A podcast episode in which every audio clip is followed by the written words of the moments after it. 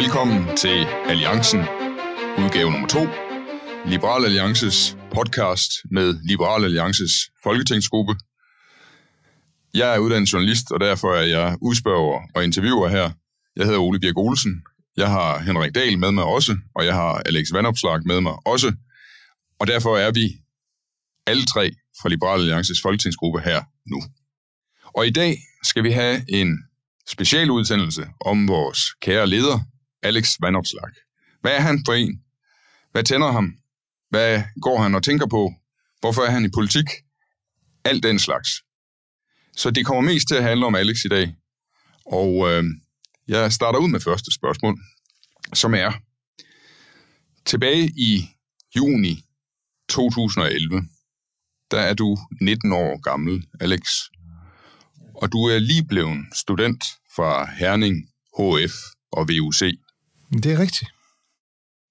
Hvad vil du med livet på det tidspunkt? Jamen, øh, altså, den første ambition, jeg egentlig havde, det var at være journalist. Øhm, og det var en dag inden, at øh, jeg vidste, du havde været det, Ole. Øhm, så, men jeg havde en tanke om, at jeg ville være journalist, og sådan en kritisk, politisk journalist, der kunne fortælle folk, at de jo tog fejl i alt. Øh, og lave sådan noget velfærdskritisk journalistik. Så jeg tog, øh, det var så tidligere end, end juni, men jeg tror, det var i april, jeg var til en optagelsesprøve ved Journalisthøjskolen i Aarhus. Og det gik jo okay, men ikke øh, godt nok til at blive optaget direkte, så jeg blev indkaldt til en samtale øh, ved Journalisthøjskolen, skulle være den sidste en eller anden lørdag. Så jeg tog toget fra Herning og skulle med bus nummer 17 ud til DR-byen, hvor Journalisthøjskolen ligger. Det, det, det må du næsten vide, Ole. Og ender så med at tage bus nummer 17 den anden vej, så jeg ender ude i Brabrand. Og ringer ind til Journalisthøjskolen og siger, prøv at jeg er i Brabrand, jeg kan være ude ved jer en halv time. Så sagde ja, ja, det er nok god med dig. Det kan vi ikke bruge til noget, vi har haft en masse mennesker igennem. Øh, så der bræste min øh, drøm sammen. Øh, men jeg havde en øh, samfundsfagslærer, der hedder Safar Assisi, som var en øh, iransk flygtning, mener jeg. Og han ham havde jeg rigtig mange politiske diskussioner med, og han opfordrede mig til at læse statskundskab. Så det ville jeg. Jeg havde været lidt et dryst det første år på, på gymnasiet, så mit karaktersnit var ikke øh, højt nok til at komme ind i Aarhus eller København. Så jeg flyttede til Odense for det statskundskab, og blev også siden politisk aktiv, men var det ikke på det tidspunkt der i 2011. Men hvad var du for en dengang? Hvad var din, din drømme for livet? Altså, okay, du vil gerne være journalist, det er spændende, så kommer man måske også i fjernsynet og sådan noget. Men altså, hvad, hvad, hvad var sådan din, hvad var din livsdrøm? Drøm? Den var vel ikke, at du bare skulle være journalist. Altså, hvad, og, og hvilke værdier havde du? Hvad, hvad var stort i dit liv?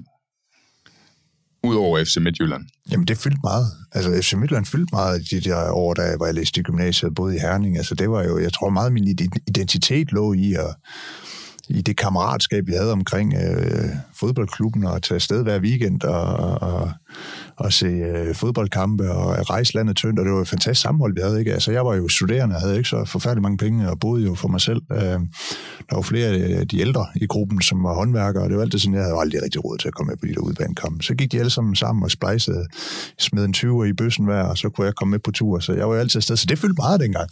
Øh, og jeg, jeg, jeg tror jo... Øh, jeg tror ikke, jeg var sådan, på det tidspunkt var jeg ikke sådan enormt ambitiøs og sådan et, jeg skal herhen i tilværelsen. Altså, jeg, jeg havde det jo sådan et, øh, jeg tog tingene, som, som, som det kom. Så jeg tror egentlig, jeg havde sådan en rimelig ubekymret tilgang. Tænkte, om vi, vi løser det hen ad vejen. Øh, ved jeg, hvad jeg lever af? Nej, men det, det må jeg jo finde ud af. Altså, så, så det var ikke noget, der fyldte enormt meget. Altså, øh, øh, politik fyldte heller ikke så meget dengang. Jeg, jeg var politisk interesseret, men, men altså, det var mere kammeratskab og have det sjovt og øh, drikke, drikke nogle øl og sådan noget. Det var, det var egentlig det, der, der, der fyldte meget øh, dengang. Og så tænkte jeg, det er da spændende også at komme på universitetet, og nu må vi se, hvad, hvad i alverden det, øh, det ender med at føre til. Øh, så jeg ved ikke, man kan sige, at jeg var uambitiøs, for det tror jeg aldrig har været. Det har mest været, øh, jeg har bare været meget ambitiøs, især, især inden for sport. Altså, da jeg var ung, der var det meget sport, jeg gik op i. Øh, men, men det var ikke sådan, jeg havde sådan en eller anden klar drøm, det her, det ville jeg forfølge. Og øh, det er jo gået okay alligevel. Så jeg tror også, nogle gange skal man øh, have evnen til at sige, ved du hvad, vi tager det, som det kommer. Der er gået lidt over 10 år siden. Du har for få måneder siden rundet de 30. Mm. Hvad tænker du, at du skal bruge dit liv på i dag? Jamen forhåbentlig at få ændret Danmark til et øh, bedre land. Og, Hvorfor det? Og være at bo i. Hvorfor går du op i det? Jamen, det er et godt spørgsmål. Hvorfor går man op i det? Altså, det er jo, øh, sådan har det været siden 2011, også før det. Altså, jeg bliver jo sådan, øh, jeg har altid blevet enormt pikeret over de der velfærdsmyter, som, som vi er opvokset med i Danmark, ikke? Altså, det, at vi har verdens bedste, eller verdens største offentlige sektor, og verdens højeste skattetryk, at det nærmest skulle være sådan en anden saliggørende ting, der gør, at Danmark, det, det er nærmest et paradis på jord. Altså, det, har jeg aldrig troet på, og øh, jeg tror, vi kan få et øh, markant bedre samfund med, med nogle gode, borgerliberale løsninger. Så, så øh, mit mål er da at, øh, at få ændret nogle ting, og hvis jeg kan være med til at inspirere nogle, nogle, nogle mennesker, nogle unge mennesker til at blive borgerlige liberale, altså, jeg ved ikke, om jeg kan sige, hvad er et forbillede, men, men være inspirerende i at tænke borgerlig-liberal tænke selvstændig og tro på, at man kan tage ansvar for sit eget liv, så er det måske en af de vigtigste forskelle, jeg kan være med til at gøre. Og jeg er jo så enormt privilegeret. Jeg kan jo leve af politik. Lige nu i hvert fald. Nu må vi se. Det, det har jo en udløbsdato på et eller andet tidspunkt. Men hvorfor er det vigtigt, det her for dig? Hvorfor er det vigtigt for dig, at du skal hjælpe på med, at samfundet kommer et bestemt sted hen, og at der er nogle mennesker, der får åbnet øjnene for noget, du synes er rigtigt? Hvorfor er det vigtigt for dig? Det er jo et godt spørgsmål, Ole. Man skulle tro, du var journalist. Altså, nå, men altså, jeg tror jo, alle der er i politik har jo et ønske om at ændre samfundet til det bedre. Ikke? Altså, Jamen, hvorfor det, det, har det, ønske det? Om, det er jo et ønske om, at, at, at, at vi kommer et bedre sted hen. Det er jo også et eller andet sted en, en, en, en kærlighed til sit land. Øh, og et ønske om, at, øh, at fremtidige generationer og min søn vokser op i Danmark, der, der er bedre end det, vi har i, i dag, og det tror jeg kan bidrage til.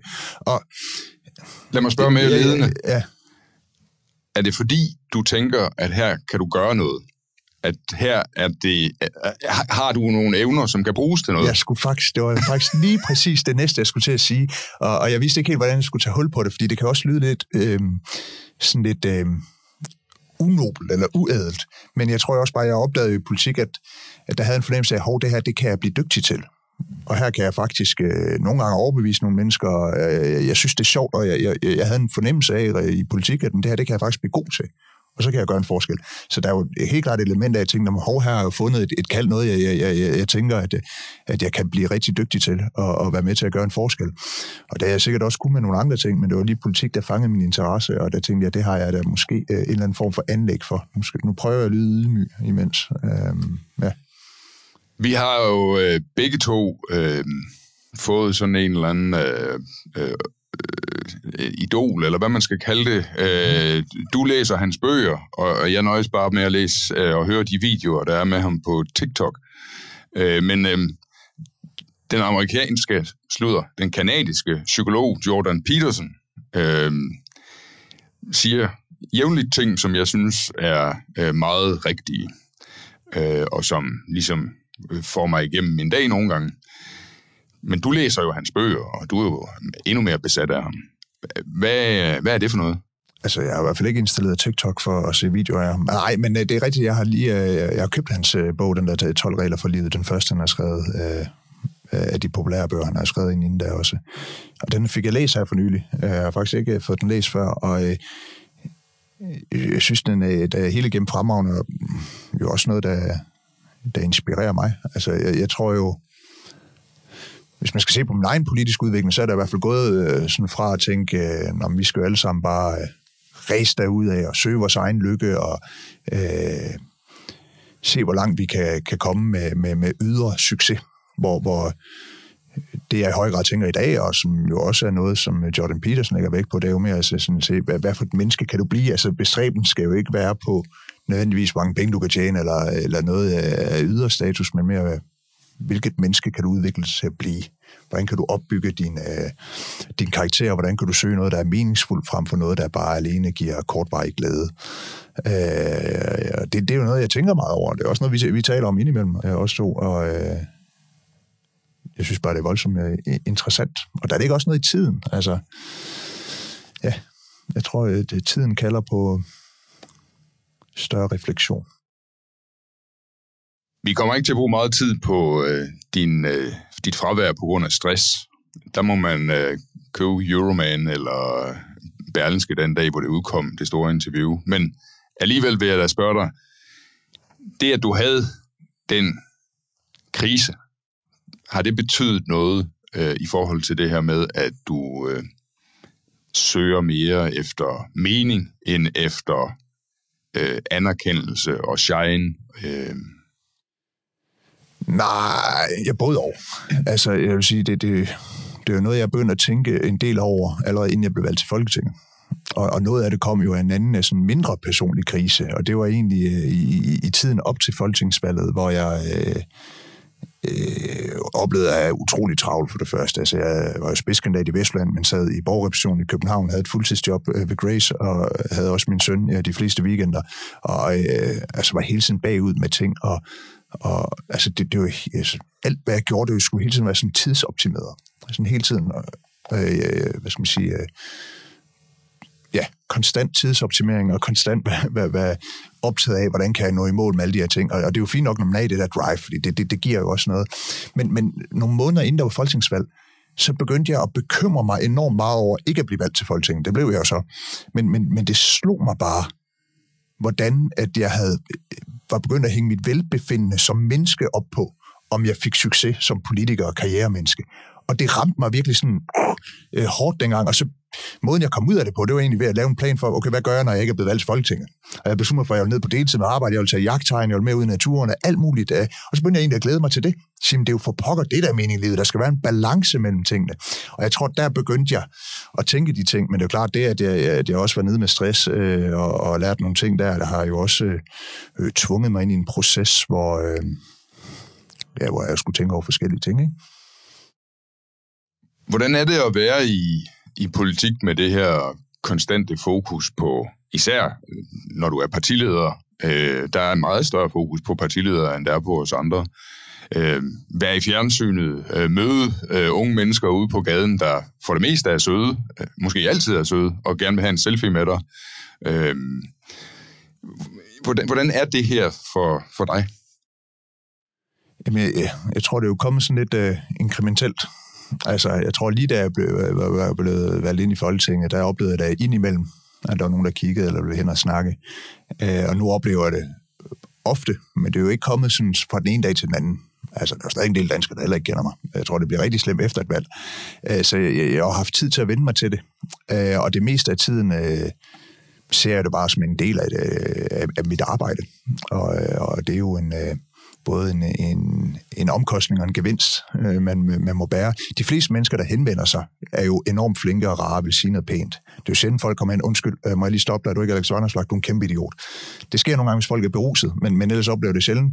Og ellers er det mere, hvis folk kigger lidt mærkeligt i, i, øh, i netto, så kan det godt sådan ligne, at de begynder at kunne lugte noget grimt, men det er måske bare mig, de har fået øje på.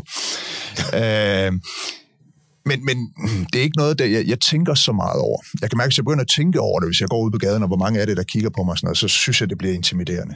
Øh, men, men jeg er god til ikke at øh, tænke så forfærdeligt meget over det. Men hvad med det her? En dag er det jo slut. Og der er mange politikere, for hvem det var slut en dag, som siger, at det var en nedtur af den anden verden, at der, ingen, der var ingen, der ringede til dem længere, og ville have deres mening om ting og sager, og de var ikke længere noget. Øh, de var sådan set bare der gik ikke særlig lang tid før folk helt havde glemt, at de eksisterede, og de engang var noget ved dansk politik. Hvordan tror du, at du vil tage det den dag om 10, 20, 30, måske 50 år, øh, når du stopper i politik? Hvordan vil du have det med, at alt det der, det forsvinder? Det, det er jo, jo umuligt at sige.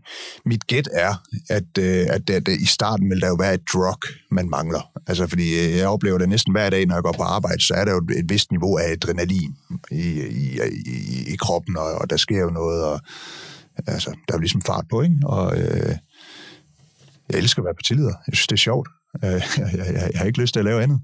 Så, så det tror jeg da helt klart, jeg vil øh, mangle øh, i min hverdag, men så vil jeg jo vende mig til det, og så finde noget andet. Og måske endda være glad for, at der ikke er øh, de omkostninger, der er ved at være i politik. Øhm, men det tager vi til den tid. Altså, livet går jo op og ned, og øh, så går det jo ned, hvis jeg ryger ud af Folketinget, og så finder vi en måde for at få det til at gå op igen. Lad os nu sige, at øh, på et tidspunkt, så er der nogen uden for politik i nogle store, rige virksomheder, der får øjnene op for, at Alex Svernopslag, han har øh, et talent for nogle ting.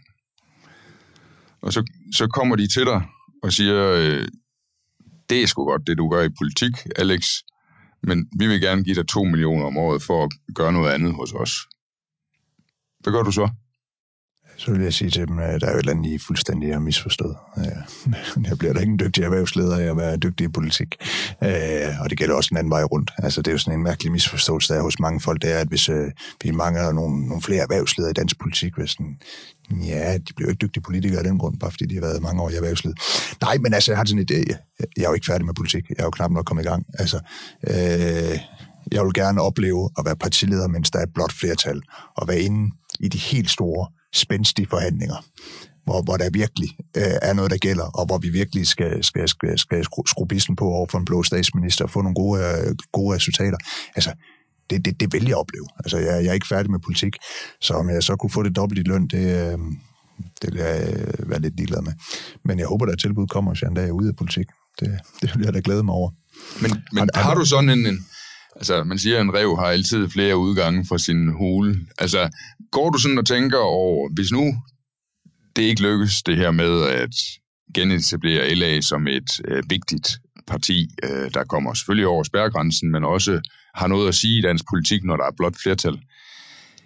Har du så nogle, gør du så nogle tanker om, hvad du så skulle bruge dit liv på af meningsfulde ting? Nej, men ikke. Øh, det må jeg finde ud af til den tid jo. Øh, men, men, men, men, men, men nej, slet ikke. Øh, men jeg har det sådan, at hvis, hvis vi skulle ryge ud af Folketinget, så tror jeg ikke, jeg vil fortsætte i politik. Altså, så vil jeg sige, så var det det. Øh, og jeg vil sikkert savne den, men det er ikke sådan, at jeg vil komme krybende tilbage eller stille op for et andet parti. Sådan noget. Det, det, det er svært ved at forestille mig i hvert fald. Men, det... men jeg elsker politik, og jeg føler ikke, jeg er færdig i det, og jeg tror, både jeg og partiet har masser at vide på. Så dem, der går rundt med en plan A og en plan B og en plan C, der siger du, jeg har en, du har en plan A, og hvis den ikke lykkes, så må du finde på en plan B til den tid. Ja. Er det sådan, du går og tænker? Ja. Jeg prøver at tænke på en, en latinsk frase. Jeg kan selvfølgelig ikke huske den, Henrik, du kender den sikkert, du er alvidende, men, men den latinske frase, når man oversætter, oversætter den, så er den jo, jeg tror på engelsk er det, I shall either find a way or make one. Altså, og det, det, det er jo, øh, jeg tror i hvert fald, den livsindstilling har altid haft, ikke, ikke at man bare skal tage alt, som det kommer, og sætte sig tilbage og, og, og tro, at alting går godt, men, men man behøver ikke at planlagt alt ned til mindste detalje, og hvis tingene ikke går, som man håber, så må man lægge en ny plan. Øh, og det, i hvert fald en tilgang til tilværelsen, som fungerer for mig. Det er jo ikke sikkert, at det fungerer for alle andre. Øh, og det tror jeg godt i politik. Nu sidder I begge to og nikker, men altså, politik er jo uforudsigeligt. Jeg kan huske en gang, Ole, hvor du, øh, vi havde noget bøvl med nogle byrådsmedlemmer, der meldte sig ud eller et eller andet. Og jeg tror, det var dig, Ole, der sagde sådan, jamen det er jo bare politik. Det er jo hele tiden at håndtere kriser. Og øh, det er jo bare en del af det. Og dengang kunne jeg godt forstå, at du sagde, men jeg var ikke enig. Og nu har jeg det sådan, når, når, når, når tingene går mig imod i politik, så det er jo en del af rejsen. Og, og apropos øh, det, vi talte om med Jordan Peterson, har været nede med stress og sådan noget, det, det vigtigste er, det er at sige, det er jo egentlig rejsen, der er vigtigere end destinationen. Altså, det er jo ikke, om vi får 4 eller 4,5 procent af vælgerne stemmer til næste valg, der, der, det er afgørende. Det er jo, hvordan er rejsen derhen? Og gør vi de rigtige ting? Og, og prøver vi hele tiden at, at, at forbedre vores øh, parti? Og ved at få den tænkning ind under huden, så har det også lidt mere, når, når, når tingene går med imod, så sådan, øh, det er en del af rejsen, øh, det med at, at forsøge at nyde det. Ja, det, det er der, hvor jeg mener, at politikere kan noget, som andre ikke kan. Det er, at vi er i stand til at håndtere kriser på et altså dagligt og ugenligt og månedligt. øhm, altså, når folk siger, jamen, vi er, jeg er konsulent i krisestyring eller et eller andet. Okay, har du prøvet at være i politik? Hvad, kan du, hvad snakker du om? Du, hvordan kan du vide noget om krisestyring, når du ikke har været i politik? Øh, fordi, og, og det er jo det, man skal lige huske på, at, at det jo også er sjovt at løse udfordringer. Det er også givende at løse problemer. Og derfor skal man ikke græde over, at der kommer udfordringer og problemer til en, fordi der man kan vise sit værd, at man er i stand til at håndtere det, og at man er i stand til at komme ud på den anden side. Og, og så hvis man, hvis man var i et job, hvor der ikke var nogen udfordringer og problemer, der skulle løses hele tiden, så tror jeg, at folk som os nok ville synes, det var lidt kedeligt. Øh, Men jeg har også altid både, når du har altid haft en, hvis vi har haft en krisesituation, du har altid haft en ro over dig. Jeg ved ikke, om det er, fordi du skjuler din uro, men det, du har altid, ja, du har haft lidt en stoisk tilgang. Og det altså, tror jeg godt. Jeg har jo prøvet at være minister, og øh, der er det, altså det, er jo to, det var to og en halv år med altså hvor man mødte om morgenen og tænkte, det her bliver en god dag der er ikke noget problem i horisonten, og så kl. 10.30, så er der, sker der et eller andet vildt, og så skal man bare kæmpe og kæmpe og kæmpe øh, for sit liv, og for at løse det problem for Danmark. Jeg kan huske ugen efter, du var blevet minister, så kom jeg under hæftig beskydning på grund af en klapbro, der skulle laves i Rige. så jeg ikke vidste noget om. Og som alle mennesker i Rige synes, var din skyld. Og hvorfor skulle den koste 170 millioner kroner? Ja. Og det var meget svært at svare på. Og jeg spurgte dig om det, og du var heller ikke lige på stående for at svare på det, for det var besluttet, før du tiltrådte. Det var en frygtelig historie. Ja, jeg fik besøg af, af borgmesteren fra Esbjerg Kommune, fra Ribehøven Esbjerg Kommune, som fortalte, at den der øh, linjeføring af en omfartsvej med en klapbro, den ville de egentlig helst ikke have, så om jeg ikke bare kunne droppe den. Og så sagde nå okay, hvis I ikke vil have den, den koster trods alt en del millioner, så dropper vi da det. Det går jeg til forligskredsen og beder om at få droppet.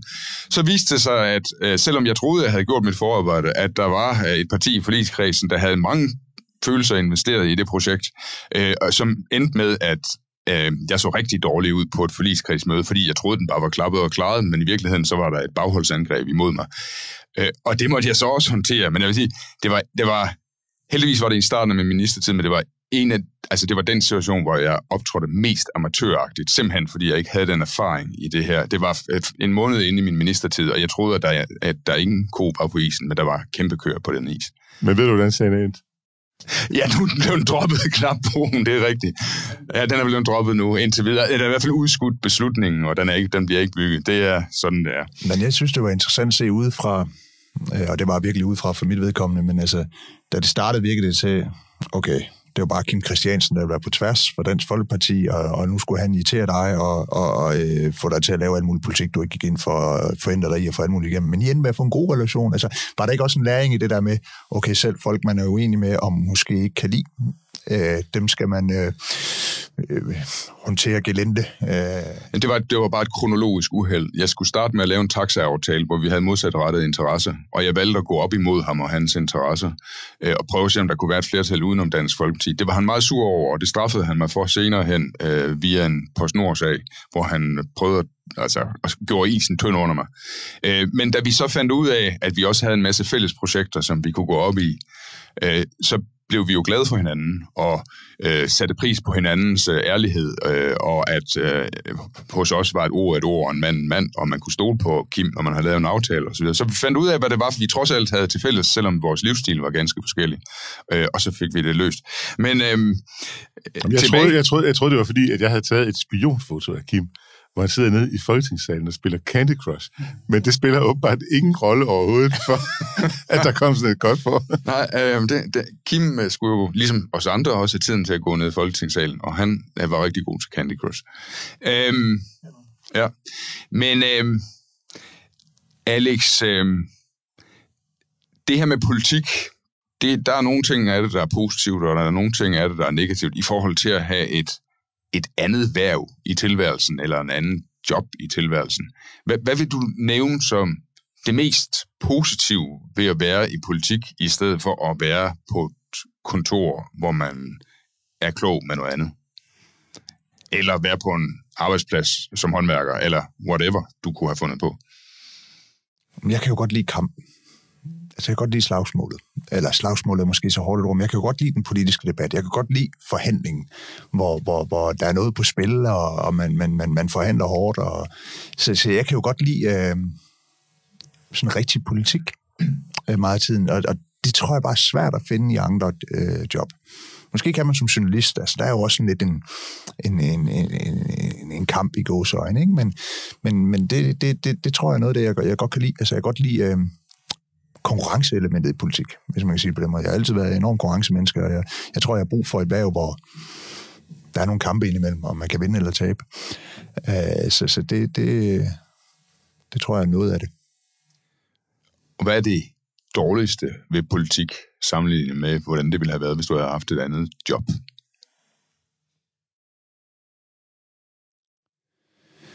Ja, der må vi jo klippe lidt, så det ikke ligner, at jeg har så lang svartid.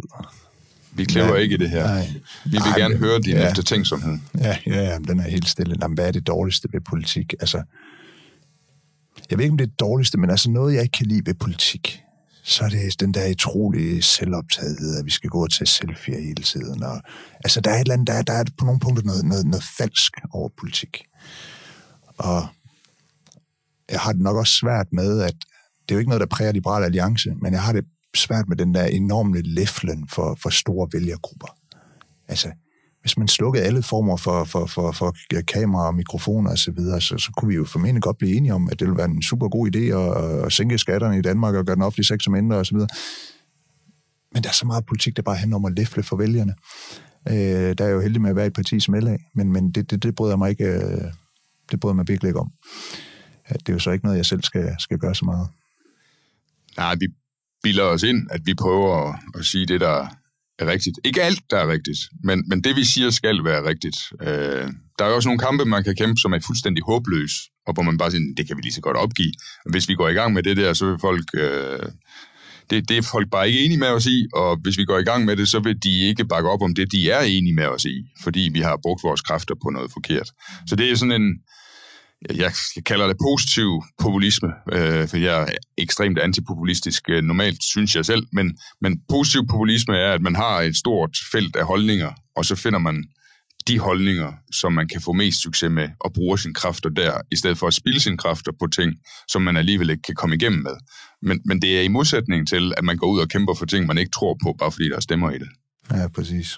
Ja. Ja, men det er et godt spørgsmål. Jeg kan mærke, at jeg stadig tænker videre over, hvad er det egentlig, jeg mindst kan lide ved at være i politik. Men øh, hvad med jer? Hvad er, det, hvad er det, I mindst kan lide ved politik? Jo, Udover, men det er det, altså, når, altså, hvis nu med, jeg havde været, øh, hvis nu jeg havde været fodboldspiller, så ville det være nemmere at sige til alle mandagstrænerne, bland jer nu udenom, I har jo ikke forstand på det her. I kan jo ikke spille fodbold. Så det er jo mig, der kan spille fodbold, så, så, så I kan jo holde op med at sige, at man bare skal spille med 11 angriber, og det har jeg jo fundet ud af, det skal man ikke. Men i politik kan man ikke rigtig tillade sig at sige sådan noget, fordi folk har en aktie i det. Det er jo faktisk deres liv, det handler om. Og derfor har alle ret til at have en mening, også selvom deres mening er meget uunderbygget nogle gange, eller øh, øh, at man bare må sige, jamen det har du simpelthen misforstået det der. Det, det skal man også sige en gang imellem, men, men alle har en ret til at sige deres mening i politik, også selvom de ikke har givet at sætte sig ind i det. Vi har jo en medarbejder i vores sekretariat, Jakob Sundberg, som er FIFA-dommer. Og jeg plejer altid at snakke med Jakob om, at hans job og vores job har det til fælles, at alle mænd i Danmark er bedre til at udføre vores job, end vi selv er. Og det er han jo enig i. Ja, det er, også, jamen, det er jo faktisk sådan. Det er. Ja. Ja.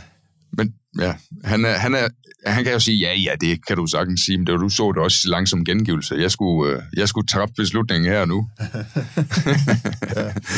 der, er, der er få mennesker, der sidder og ser Folketingets tv i langsom gengivelse. Ej, det er også svært at gengive det langsomt. Godt. Øh, vi har brugt øh, næsten en halv time, og vi bestræber os på, at det her kun skal vare en halv time, fordi målet er, at folk, der har travlt, de kan nå at høre det, mens de rejser i toget øh, fra deres hjem til deres øh, studieplads, eller øh, fra deres øh, hjem til deres arbejdsplads i bilen. Og det tager cirka en halv time, gætter vi på, og derfor så slutter vi nu øh, med denne speciale udsendelse af Alliancen om Alex Van Opslag. Næste udsendelse kommer enten til at handle alene om Henrik, eller alene om mig, eller om os begge to i en udsendelse. Det har vi ikke besluttet endnu. Det får I se næste gang.